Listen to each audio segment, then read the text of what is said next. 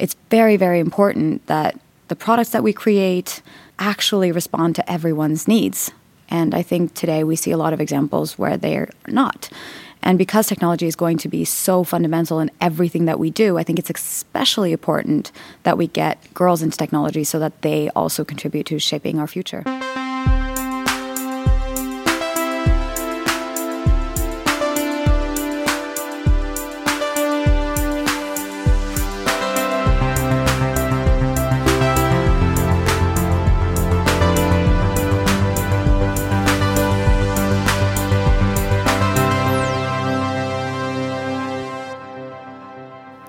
Welcome back to Heja Framtiden, the Swedish podcast on the future. Today we'll meet Isabel Ringnes, a Norwegian important advocate for diversity and gender equality in the tech sector and in society as a whole. This episode is brought to you by Heja Framtiden in collaboration with the Warp Institute and Singularity U Nordic Summit. I'm Christian von Essen, and you can find more information about this podcast on hejaframtiden.se please follow us on social media and subscribe on your favorite podcast platform. Also, visit patreon.com to uh, donate a few dollars if you like what you hear. Now, sit back and get inspired by the amazing Isabel Ringnes.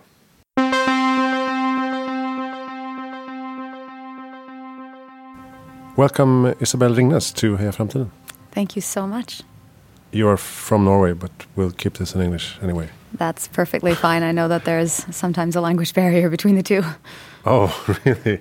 Yes, yeah, I maybe. used to work in I used to work in Sweden for a year, and very often I had to switch over to English for people oh, to understand me. So sad.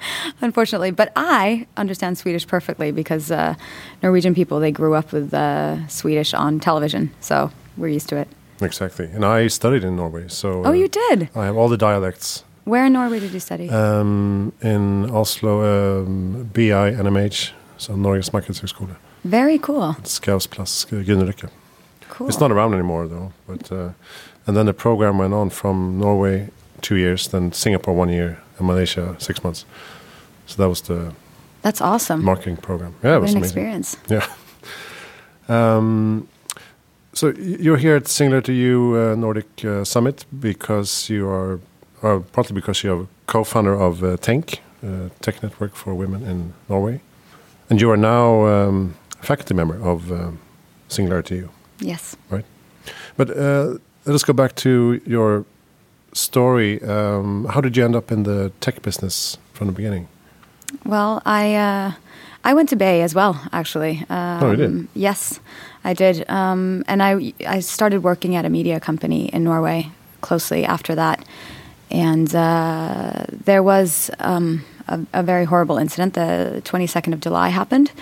And uh, that was when uh, there was a big bombing, uh, and uh, many, many people lost their lives. And I was working in the media business at the time, and uh, it made me realize how incredibly important the media is. And it inspired me to follow my passion, move to New York, and start studying media and technology um, at the New School in New York. And when I was there, I was completely flabbergasted, in lack of a better word, uh, about how incredibly important technology is going to be not only for the media but for every single business. And i saw it change the world right in front of my eyes. And i was fascinated. And uh, i uh, continued working with technology eventually landed a job uh, as a trainee in Schibsted uh, and continued working with technology there.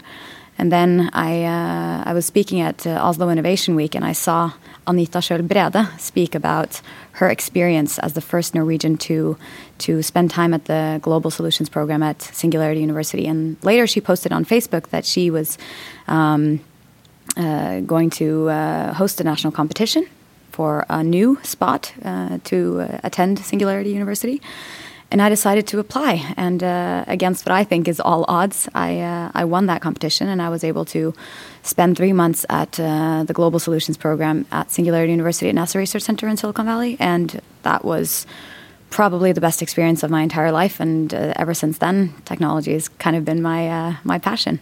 Is it possible to summarize your experience? What did you learn? well, imagine three months, 15 hours a day of, Of exponential technologies um, and lots of inspiration on how to apply those technologies to solve humanity's global grand challenges. But aside from the amazing content and the incredible speakers and the wonderful staff that took so well care of us, I think the most important thing that I left there with was the family of all the other people that went there. I mean, they're so diverse, so different. They all have their different skill sets. They're all their different expertises, passions, and living on top of each other in such an isolated experience for three months. I mean, you get so incredibly close, and they changed my life both professionally and personally. And it's it's by far it's hard to un- understand when you haven't been there, but it's just unbelievably incredible. Is it possible to say that you've been working with gender equality and diversity issues since then? No, I was working with that actually way before. Okay. Um, in uh, I started the technology network for women when I moved back from New York, and I missed. Uh, I don't know, like-minded women who were interested in technology. So my former boss and I, we decided to start a network to get more women engaged, and not necessarily. First of all, it didn't start by wanting to gather the women who were already in tech, but it was more of getting women who are working in jobs that are going to become more and more technology-driven, and then you know inspire them to lean in and learn more about technology and see how technology is going to influence their fields. Um, so that was the first part, and then later my um, my today co-founder she went to the UN uh, and she heard Emma Watson's opening speech to the He for She campaign, and she was incredibly inspired by that. Uh, Emma Watson said that if not now, then when, and if not me, then who? Um, and uh, and she came back and she called me and she was like, "We should do this in Norway." So it started with a campaign and uh, and eventually it evolved. But um, uh, gender equality has always been a very very close close uh, issue to me. And why is it so important, do you think, for the future? Well, I mean, the future consists of everyone, right? I mean, 50 and 50% men and women. And we talk about technologies and we predict how they're going to affect us. Um, and it's really impossible to say just how they will. But what we do know is that the world is going to consist of all of us. And it's very, very important that the products that we create actually respond to everyone's needs. And I think today we see a lot of examples where they're not. And because technology is going to be so fundamental in everything that we do, I think it's especially important that we get girls into technology so that they also contribute to shaping our future. Uh, and you've been organizing um, events to uh, facilitate this. Uh, like uh, you, you, mentioned uh, on the stage earlier, uh, girl tech camps and meetups. what can you tell us about that? How, how's that been? So the last few years, uh, we've been working more towards younger girls. Um, it started with working with older women, um, my age basically, uh, even though I'm just 30, uh, 26 at the time. Um, but uh, we understand that there's a pipeline issue, right? I mean, there's not that many girls studying technology today, and we need to get more girls in. And uh, we're not really sure why there aren't that many girls because there used to be a lot. I mean, if you look at history, women used to be called computers. Um, I recommend everyone to watch the movie Hidden Figures.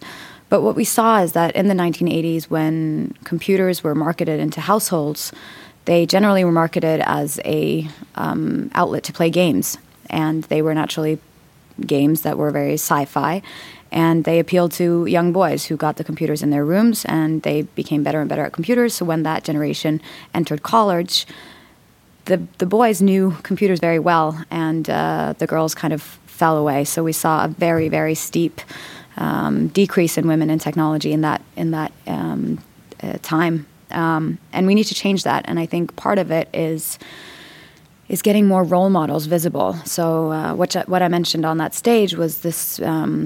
Research from Microsoft that shows that if a girl has a role model in STEM, she's more than twice as likely to be interested in that field. And we've been working closely with uh, many different organizations in Norway to have more role models, women in tech, visible so that girls see that, okay, she's doing it, then maybe I can do it. And it does actually have a tremendous effect. Hmm.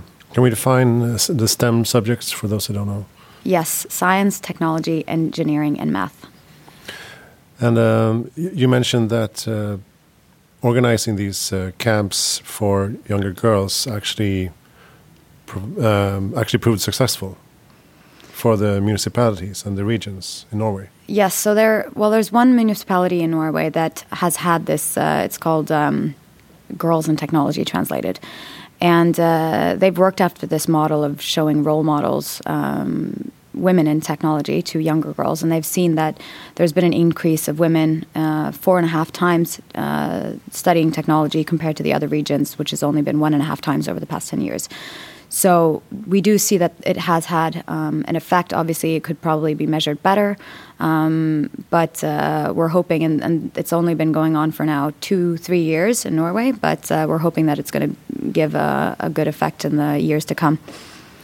What can you tell us about the the campaign that you initiated a few years ago uh, called uh, hashtag She's Got This or Hun spanderer? Hun spanderer. Uh, yeah, so we started that campaign in 2015. We wanted to raise awareness on unconscious bias and gender stereotypes because obviously we wanted to work with gender equality in a country that's ranked the second most gender equal in the world, right? So you have to look at what's not the the obvious places where we've reached gender equality in terms of laws, um, but in the many things that we don't necessarily think about or are aware of, which is the unconscious bias and the gender stereotypes.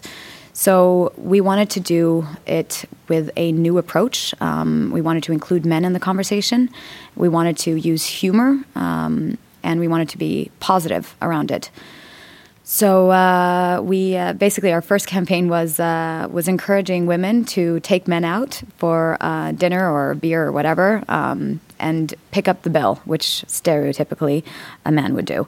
Um, and uh, in return, men would have the conversation about unconscious bias and gender stereotypes, and they would have speaking cards that had a bunch of the research on them, and they would discuss a lot of the things that you know men are just not aware of because they haven't had to experience it throughout a, an entire lifetime in the same extent as women. But do you, tran do you transform that from a campaign into a, a, business as well? We did, yes. So, so what is the business?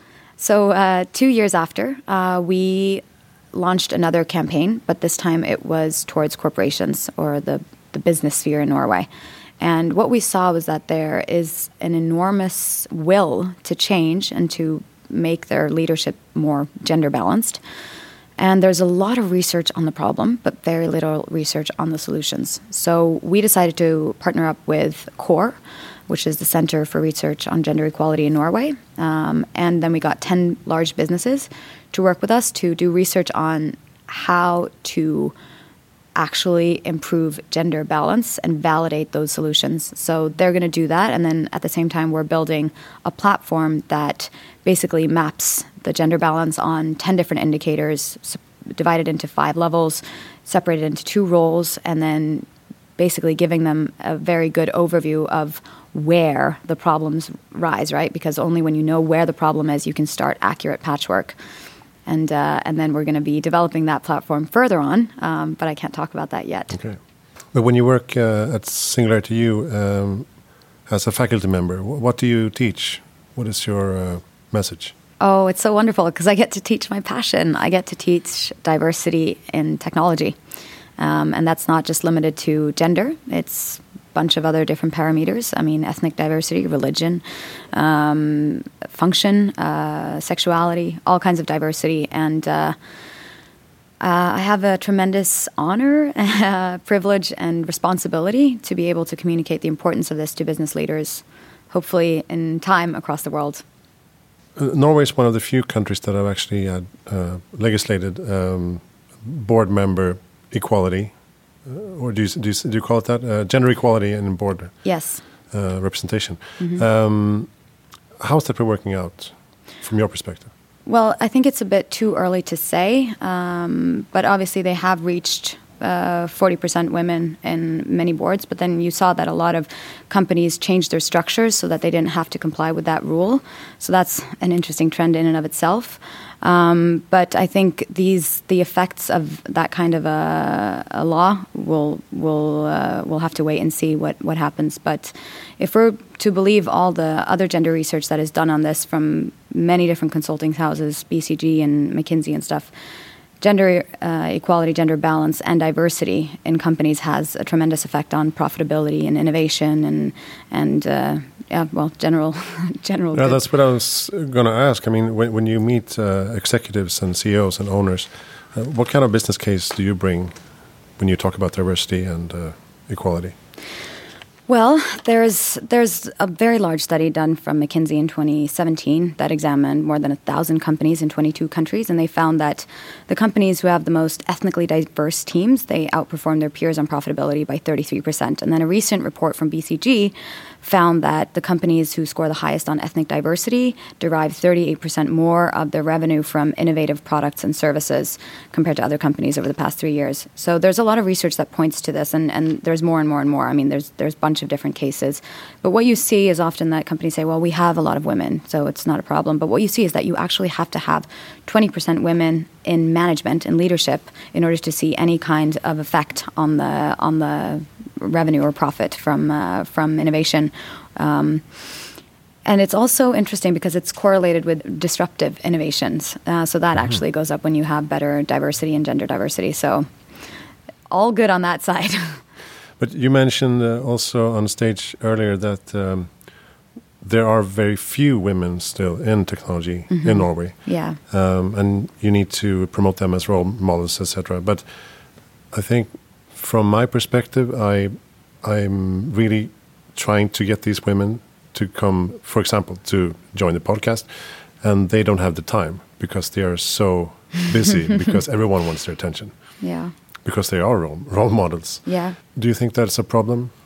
Well, that, that uh, the ones who are, you know, standing out, they are being swamped with suggestions and proposals. Yeah, Absolutely. So that's another reason to look for new talents, right? I mean, we we get when, when, when we first see one, right? We're just like, oh my god, uh, everyone throws themselves at that person. But I think role models, female role models, um, also should try to find new role models, right? To lift up new women and new girls that can also be role models because then we can get more. And then it's obviously your role and other media's role to start highlighting the new people that are coming because yes, there are a bunch of them, uh, but they're swamped, just as you say.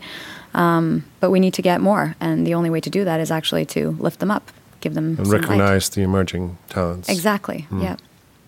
You you lived in Oslo, Stockholm, New York, San Francisco. Uh, how do you spend your time now? Where do you live? What do you do? I live in Oslo uh, right now and might be moving to Stockholm next year. Um, very excited about that. Uh, I travel a lot around both in Norway um, and around the world. Um, and I, I, do a lot of speaking on technology. I do a lot of speaking on women in technology, diversity in technology, um, and unconscious bias, obviously. I do a lot of public speaking on that. Um, but we are working with writing a book right now on the topic uh, of unconscious bias and uh, gender stereotypes. And we're also developing this platform where you know what it's like when you're starting a company, you're kind of doing everything. So we're doing everything from pitching to writing to uh, designing the actual platform to doing the product management together with the developers.